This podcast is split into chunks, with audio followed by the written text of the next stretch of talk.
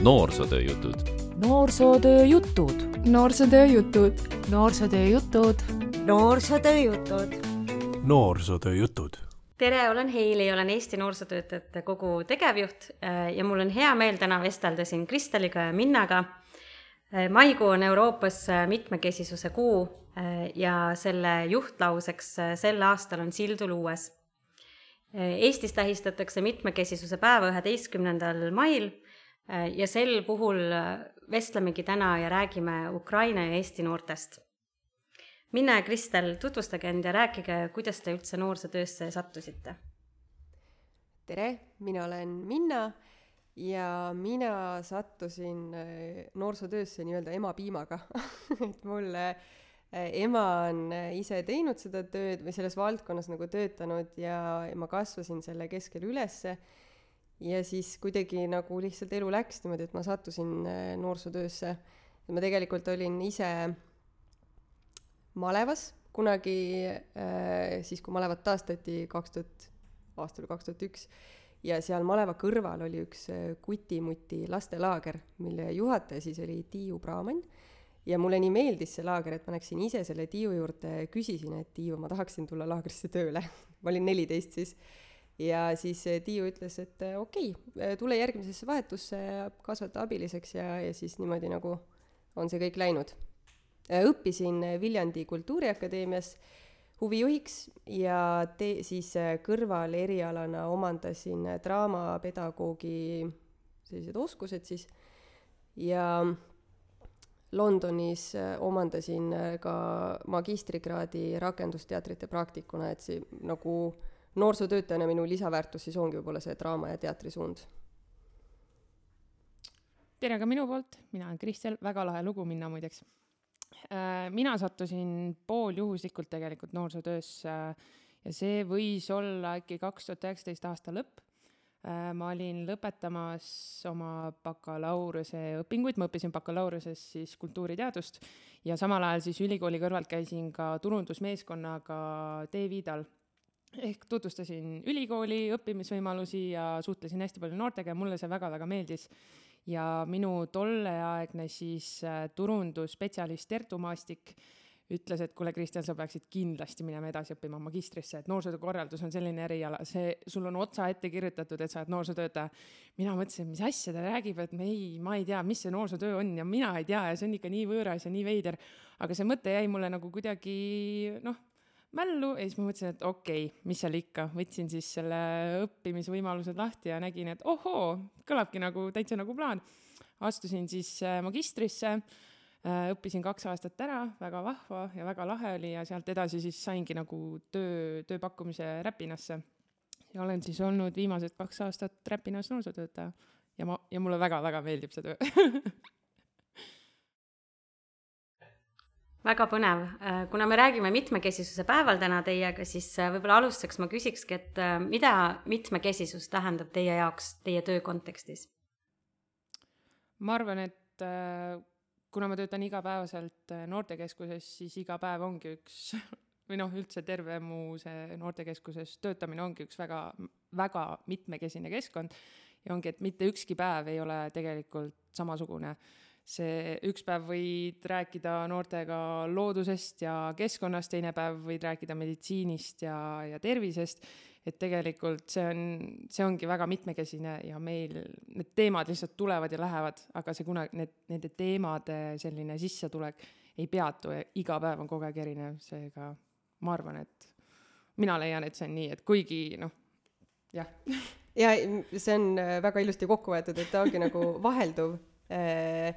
ja, ja selline uusi teadmisi, kogemusi pakkuv. kogu aeg on nagu midagi uut, sa saad teada, aa noh, iseendas ja, ja noorte käest ja noortes ja jah, selline vahelduv. ja, ja kusjuures ongi, et see, et äh, rääkides ja suheldes tegelikult noortega, siis sa ise õpid ka midagi iga päev juurde ja see ongi see, mis muudab selle töö nii mitmekesiseks ja see ongi selline vahelduv, et sul ei hakka kunagi igav et äh, kui mul tulevad noored noortekeskusesse ja hakkavad rääkima motokrossist, millest mina tegelikult ei tea ööd ega mütsi, siis läbi selle suhtlemise ma saan jälle nagu midagi kõrva taha panna. teiselt poolt tulevad noored, kes võivad rääkida tätoveeringutest ja needistamisest, mille kohta jällegi mina väga eriti ei tea. et see ongi see, et see on kuidagi nagu teeb põnevaks asja ja ei hakka igav, seega minu jaoks on see mitmekesisus ja need noored on, ma saan ka aru, väga mitmekesised ja erinevad, et et võib-olla kui nüüd mõeldagi selle peale, et me räägime täna Ukraina ja Eesti noortest, siis äh, mille poolest need noored on sarnased ja mille poolest erinevad? ma ütleks, et ai-, nagu võib-olla kõige suurem erinevus on keel. sest noh, noored on noored, nad on temperamentsemad, aga ka Eesti noored, nii mõnigi on selline päris keevaline, et äh, jaa, see keel on nagu ainus asi võib-olla, mille järgi ma saan aru, et aa, ta vist ei ole Eestist pärit. muidu, kui nad on meil noortekeskuses või me oleme nendega midagi teinud, siis ma, ma ei, ma ei ütleks, et aa, et vot tema on sealt pärit ja tema on sealt pärit. jaa, äh, nõustun sinuga, et tegelikult ongi, et äh, kui noortekeskusesse tulevad Eesti noored, kes on ka tegelikult üsna temperamentsed, lihtsalt äh, teistsuguse temperamendiga, kui on näiteks Ukraina noored, aga kui see konkreetselt minu noortekeskuse näitel, et minu noored tulevad uksest sisse, laul, tants ja trall käib käsikäes ja kui nad märkavad, et keegi teine on noortekeskuses, siis tõmmatakse kohe ennast tagasi. et äh, ma ütleks ka, et see temperament on kindlasti erinev, ma usun, et ka noh, kultuuride erinevus,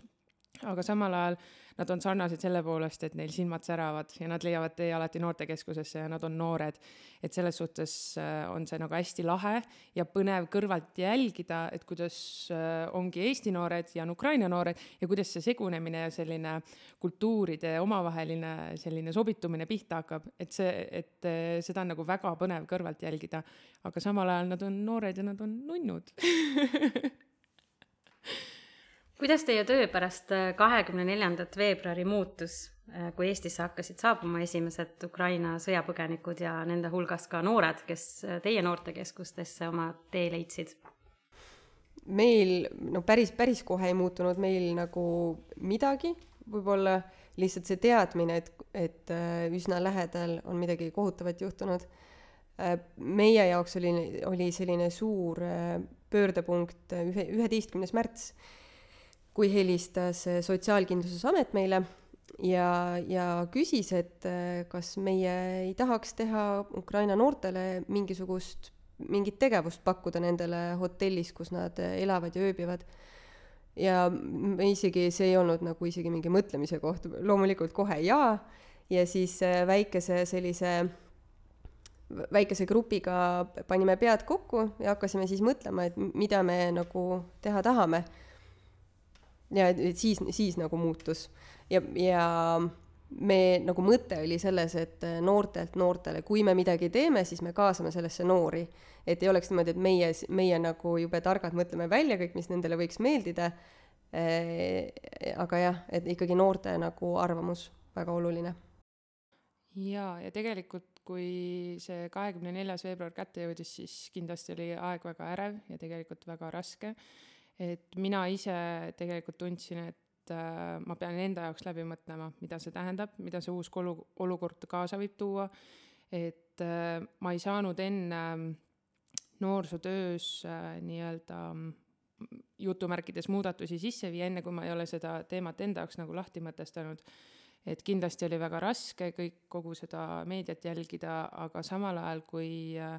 me saime ka teated, et äh, tegelikult äh, Räpinasse samuti tulevad sõjapõgenikud, et see oli kaheksas, äh, kaheksas märts, siis oli tõesti väga selline uus ja mm, tundmatu, et see on nagu peavees vette hüppamine, et kuidas, kuidas ma nüüd hakkan tegutsema või mida ma tegema pean või mis on nagu minu roll selles kõiges. aga tegelikult noh, nagu ikka, iga algus on ju keeruline ja raske ja hirmus, et siis tegelikult üheskoos noortega me mõtlesime ja panimegi nagu sellise teatud nagu kavandi paika, et kuidas meie saame olla Ukraina äh, sõjapõgenikele toeks, et äh, eelkõige just nagu noortele.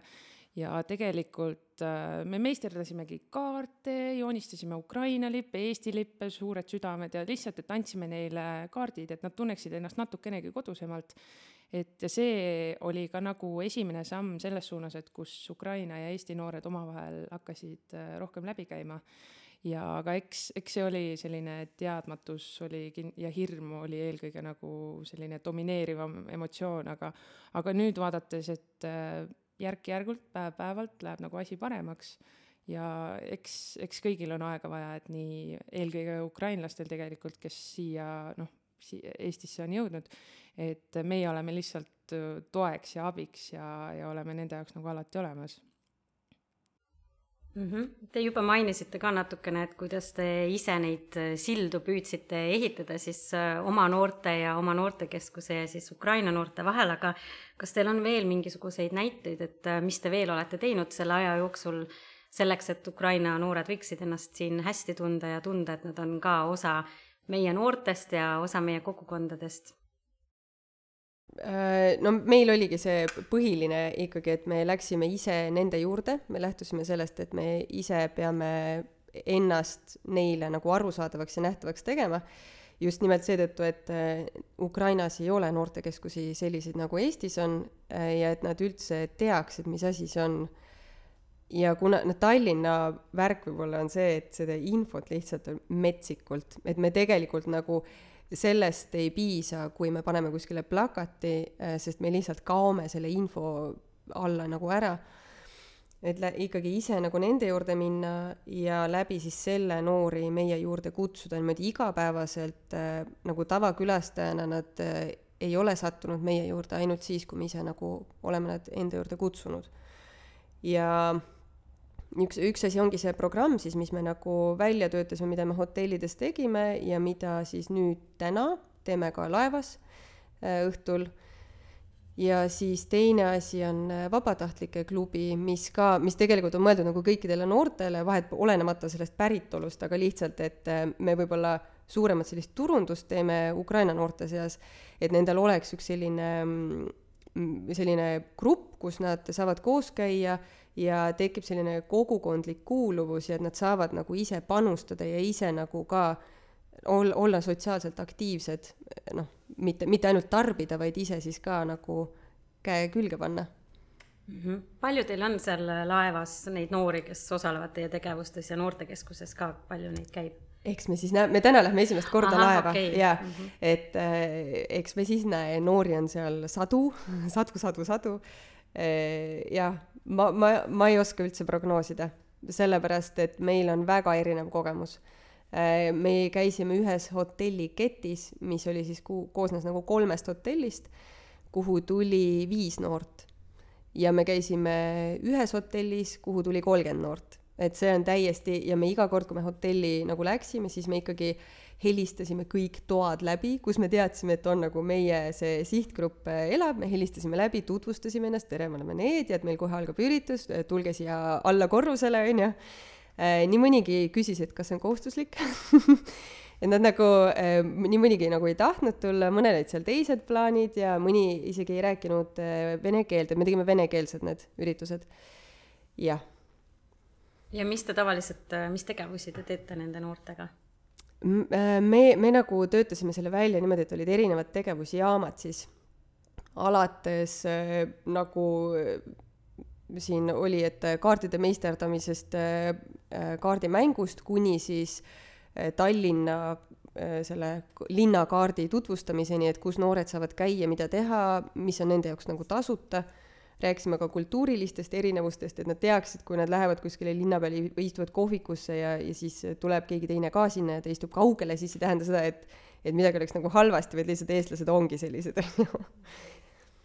Kristel, kuidas teil, mida teie olete meil jah, meie oleme nüüd äh, konkreetselt noortekeskuse vaatest, olemegi äh, käinud lastevanematega rääkimas, tutvustanud äh, mis see noorsootöö siis täpsemalt on, mis on noortekeskus, mis põhimõtted või mis need, mis kokkulepped noortekeskuses kehtivad või mis, mis ajal on noortekeskus lahti, kes see noorsootöötaja üldse on. et äh, me tegime seda selgitustööd ikka päris pikalt, enne kui noored äh, meieni jõudsid. Ja kui need noored jõudsid, siis nad olid nii hämmingus, nad kõndisid noortekeskuses ringi, vau, teil on tõukerattad, vau, teil on nii palju mänge, vau, teil on Playstation neli nagu vau, oh my god, kuidas see võimalik on et see oli nagu nii lahe näha, et kuidas neil nagu silmad läksid särama, et issand, neil on kõik nagu kätte toodud. et, et siis me olemegi niimoodi istunud maha, mänginud siis koos kabet või kasvõi Playstation nelja, mis sest, et mina ise, ma ei, ma ei tunne seda nii-öelda konsooli eriti ja noh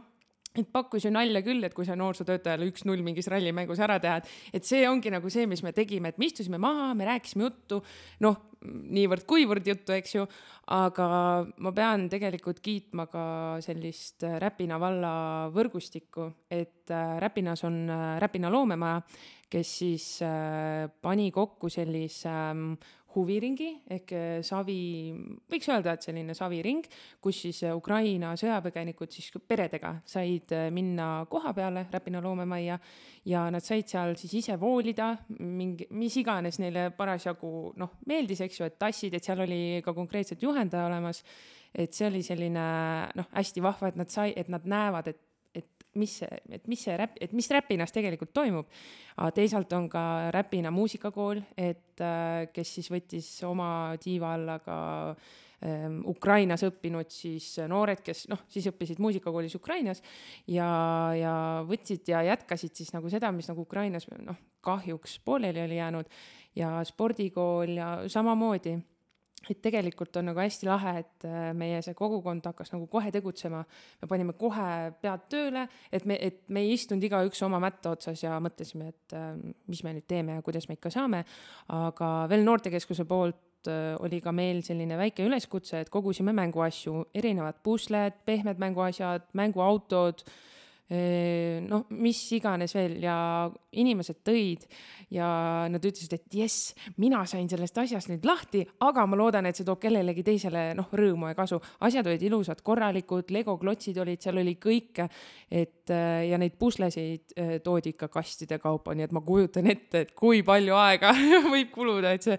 kümne või tuhandelised või viietuhandelised pusled kokku saada, et tegelikult nad olid, need inimesed, kellele me need viisime, nad olid tõesti väga tänulikud. Ja, ja küll me oleme koos nendega puslesid kokku pannud, nad on ise seda teinud, et tegelikult noh, mulle nagu väga meeldib, kuidas kogukond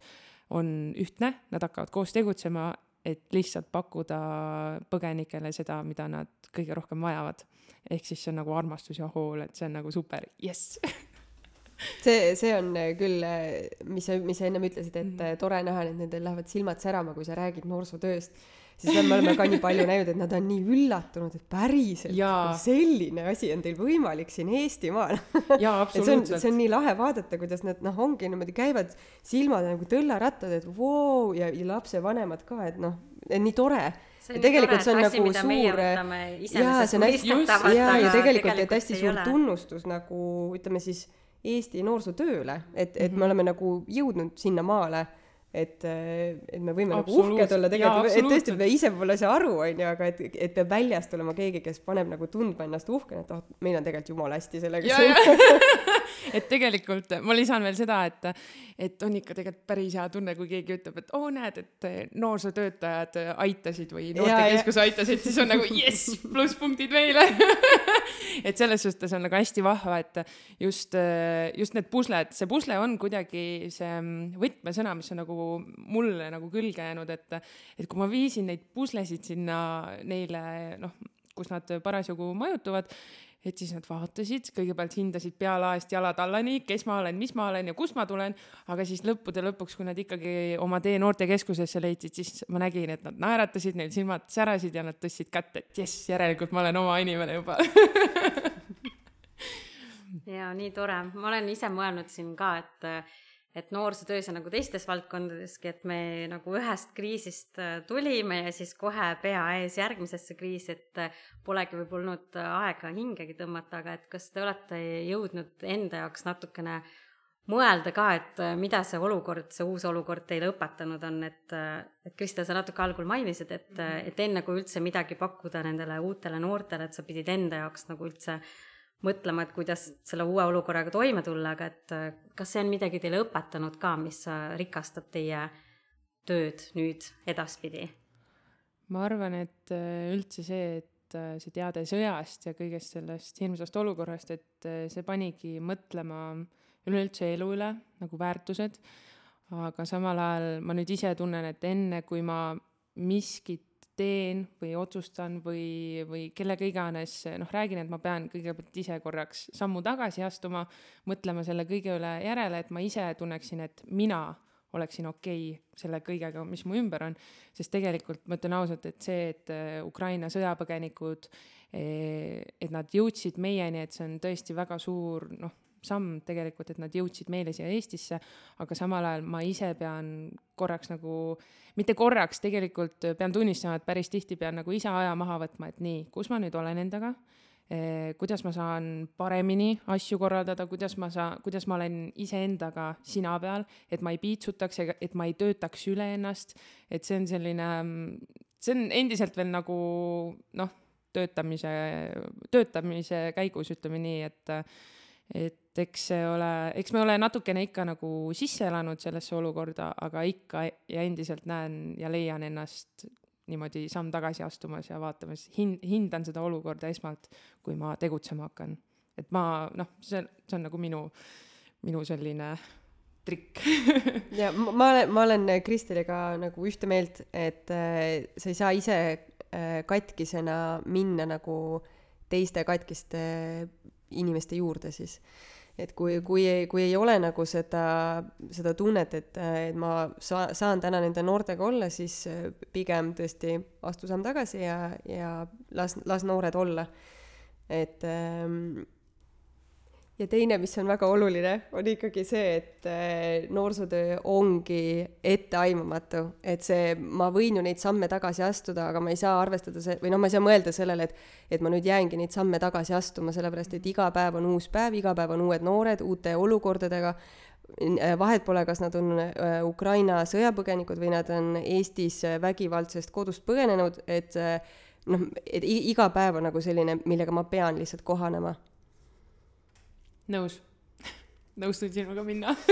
yes. Ehm, milliseid uusi võimalusi on see uus olukord noorsootöös loonud, et kas on mingit äh, midagi, mida te teete uutmoodi või on midagi, midagi uut, mingeid uusi mõtteid? oi, mõtteid on palju, mõtteid on vahest liiga palju, et nendega ju ei jõua nagu järge pidada, aga aga kindlasti kuhu poole teel äh, võib-olla mina ise koos siis oma kogukonnaga oleme, et ehk ehk luuagi rohkem selliseid võimalusi ähm, ja tekitada ka kohaliku omavalitsuse piires selline Ukraina kogukond, et tuua need inimesed kokku, et äh, ma ei oska öelda, kas need inimesed on omavahel tuttavad, kes, ähm, kes on siis nagu meie piirkonnas nagu laiali paigutatud või mitte, aga, aga ma usun, et see oleks nagu üks koht, mille, mille kaudu nagu meie äh, saaksime panustada sellisesse Ukraina kogukonna taas nagu ülesehitamisse, et inimesed tunneksid, et nad ei oleks üksi, et na-, et neid on, et me, et me ise oleksime neile toeks, me aitaksime, et siinkohal tuleb jällegi mängu nagu see võrgustik, et olgu selleks siis noortekeskus, raamatukogud, huvikoolid, üldhariduskoolid ja, ja üldse noh, asutused üleüldse, et tegelikult see oleks nagu üks selline koht, kus meie saaksime nagu üles ehitada, aga teisalt, kui vaadata nüüd noortekeskuse suunal, siis ma usun, et meile tuleks väga kasuks selline keelekümbluse programm või selline projekt, et kus noored, Eesti noored tegelikult äh, väga vene keelt ei räägi. Ja samas Ukrai-, aitaksime Ukraina noortel jällegi nagu Eesti kultuuri Äh, sulanduda ja võib-olla õpetada neile rohkem Eesti kultuuri, aga meie samal ajal saaksime Ukraina kultuuri õppida. et see on, noh, kasu saavad ju tegelikult mõlemad pooled, et see ei ole ühepoolne asi. ja, ja noh, tegelikult äh, noored ise, kes äh, on soovi avaldanud, et näed, oleks pidanud koolis rohkem vene keelt õppima, nüüd saaks ta-ta-ta-ta-ta. et oleks, oleks, oleks, aga nüüd meie saame selle oleksi nagu reaalsuseks muuta, et et ma arvan, et see on jah, meie praegult selline arengusuund, võiks öelda, aga, aga eks, eks näis, mis tulevik toob, et see mõte on kindlasti juba niimoodi noh, idanemas, et, et loodetavasti jõuame ka tegudeni. No meil, meil samamoodi, et see keele, keele praktiseerimine ja keele õppimine mõlemapoolselt on, on ikkagi aktuaalne, et kuidas nagu seda võimaldada noortele läbi milliste tegevuste siis see on mm -hmm. meil praegu selline kõige-kõige suurem arenemiskoht ja suur võimalus tegelikult, mida kasutada mm. -hmm. ja tegelikult, äh, kuna meil on ka sellised huviringid, äh, noh, kas siis noortekeskuses koha peal või Räpina ühisgümnaasiumis või üldse noh, huvikoolides, siis äh, me oleme üritanud suunata Ukraina noori ka näiteks viburingi, et kuna meil on kohapeal ka viburingi võimalus et siis äh, oleme ise neid viinud, aga, aga kuna see osalus on pigem jäänud selliseks tagasihoidlikumaks, siis äh, noh, vaatame aja jooksul, et äh, lähmegi käsikäes ja käime ja endal on ka huvitav ja vahva näha, et kuidas see, kuidas see vibu laskmine siis õieti käib, eks ju aga, aga ma usun, et see on, aega on vaja natuke, et praegult on, meie ise oleme jah, endale selgeks teinud, ahah, meil on selline süsteem, selline võrgustik, saame pöörduda inimesteni, inimeste noh, poole, sest ma tean, et kes millega tegeleb, eks ju, aga me ei saa ka tagant sundida ja tagant utsitada, et võtame rahulikult, meil on plaan paigas ja vaatame tasa ja targu. Mulle meeldis ennem see, mis sa ütlesid ka, et ähm, et äh, me toetame nagu selle Ukrai-, et te toetate Ukraina kogukonna nagu sellist tugevnemist või mm -hmm. sihukest äh, siin Eestis elamist, olemist. et just seesama, et me toetame ja tunnustame nende kultuuri, kultuurilist tausta, nende traditsioone, kombeid, et see, et me tahame nagu keelt integreerida või kuidagi, et keeleõpet soodustada, ei tähenda seda, et, et me nagu ütleme, et ei, et nüüd enam ei ole ukrainlased, on ju, et me ikkagi väga isegi tunnen väga huvi, on ju, selle Ukraina kultuuri vastu ja kõik niimoodi, noh, meil need ikkagi käivad koos käsikäes. oma päritolu, oma kultuur ja siis paralleelselt me saame õppida kõik seda keelt ka, no see on lihtsalt nagu tehniline asi jah, nõustun täielikult, sest noh, olgem ausad, et äh, meie elame ju, me oleme eestlased, me elame Eestis, me oleme, me teame Eesti kultuuri läbi ja lõhki, eks ju. et võib-olla ongi huvitav ja võib-olla ongi hea nagu meie jaoks ka, et saame seda värskendust, et äh, õpime tundma teisi kultuure. et, äh, et Ukraina kultuur on ju tegelikult nii, nii selline värviline ja selline väga rikas, et miks mitte ükski teadmine ju mööda külge alla ei jookse, et, et äh, teeme ära, muidugi. ja, ja kui mõelda selle mitmekesisuse päeva või selle mitmekesisuse kuu teema peale ka, et sildu ehitades, siis tegelikult ju need ongi need sillad, mille kaudu me ehitamegi või nagu jõuamegi teiste inimesteni, eks, et et üks selle, üks vahend selleks on keel, on ju, et kui me ei oska kuidagi suhelda, et siis noh, et kui meil on see ühine keel või me su-, suudame omavahel suhelda mm, -hmm. siis see on nagu see üks sild ja kõik need, see, et me soovime teada saada kellegi kultuurist rohkem, see on juba järgmine, et et see, see, need ongi vahendid selleks, et me saaksime koos elada ja eksisteerida, aga aga lõpetuseks veel üks küsimus, et, et teil on nüüd see kogemus, see lühi, lühike kogemus küll äh, Ukraina noortega, aga mida te soovitaksite nendele noorsootöötajatele, kellel võib-olla veel ei ole seda kokkupuudet Ukraina noortega olnud, kes võib-olla äh, pelgavad, natukene kardavad äh, on teil mingeid soovitusi oma kogemusest, et? Äh, no ütleks lihtsalt, et julget pealehakkamist. Äh, siin ei ole, siin ei ole mitte midagi oodata, sest ega noh, mis siin siis nagu, mis siis muutub, et kuidas siis selle, et see lähenemine ju ei muutu. ikkagi lihtsalt hakata peale ja, ja see on ikkagi, et me areneme koos noortega ju käsikäes, noored tulevad meie juurde, me täiendame teineteist, me vaatame, et mis sobib, mis ei sobi, mis sobib ja mida tuleb nagu paremaks muuta, on ju. et see, kui me ei hakka pihta, siis see ei, see ei lähegi paremaks. kuldsed sõnad Minna poolt et äh, jah, jah, see, näed, võtsid mu sõnatuks. aga ma lisaksin võib-olla omalt poolt veel seda, et äh, ärge kartke, pea püsti, selg sirgu, te ei ole üksi et äh, kui ongi tunne, et ma ei oska, ma ei suuda, ma olen endaga äh, kuskil ummikus, siis on teisi noorsootöötajaid, on väga armsad kolleegid, kes tulevad appi kas nõu või jõuga, et äh, tõesti, et äh, siin ei olegi midagi karta, et äh, tuleb lihtsalt harjuda ja kohandada ennast vastavalt olukorrale ja nii lihtsalt ongi aga aitäh teile, Minna ja Kristel, et soovin teile jõudu tööle. Aitäh. ja palju põnevaid kogemusi selles uues olukorras ka. aitäh. aitäh. Noorsootöö jutud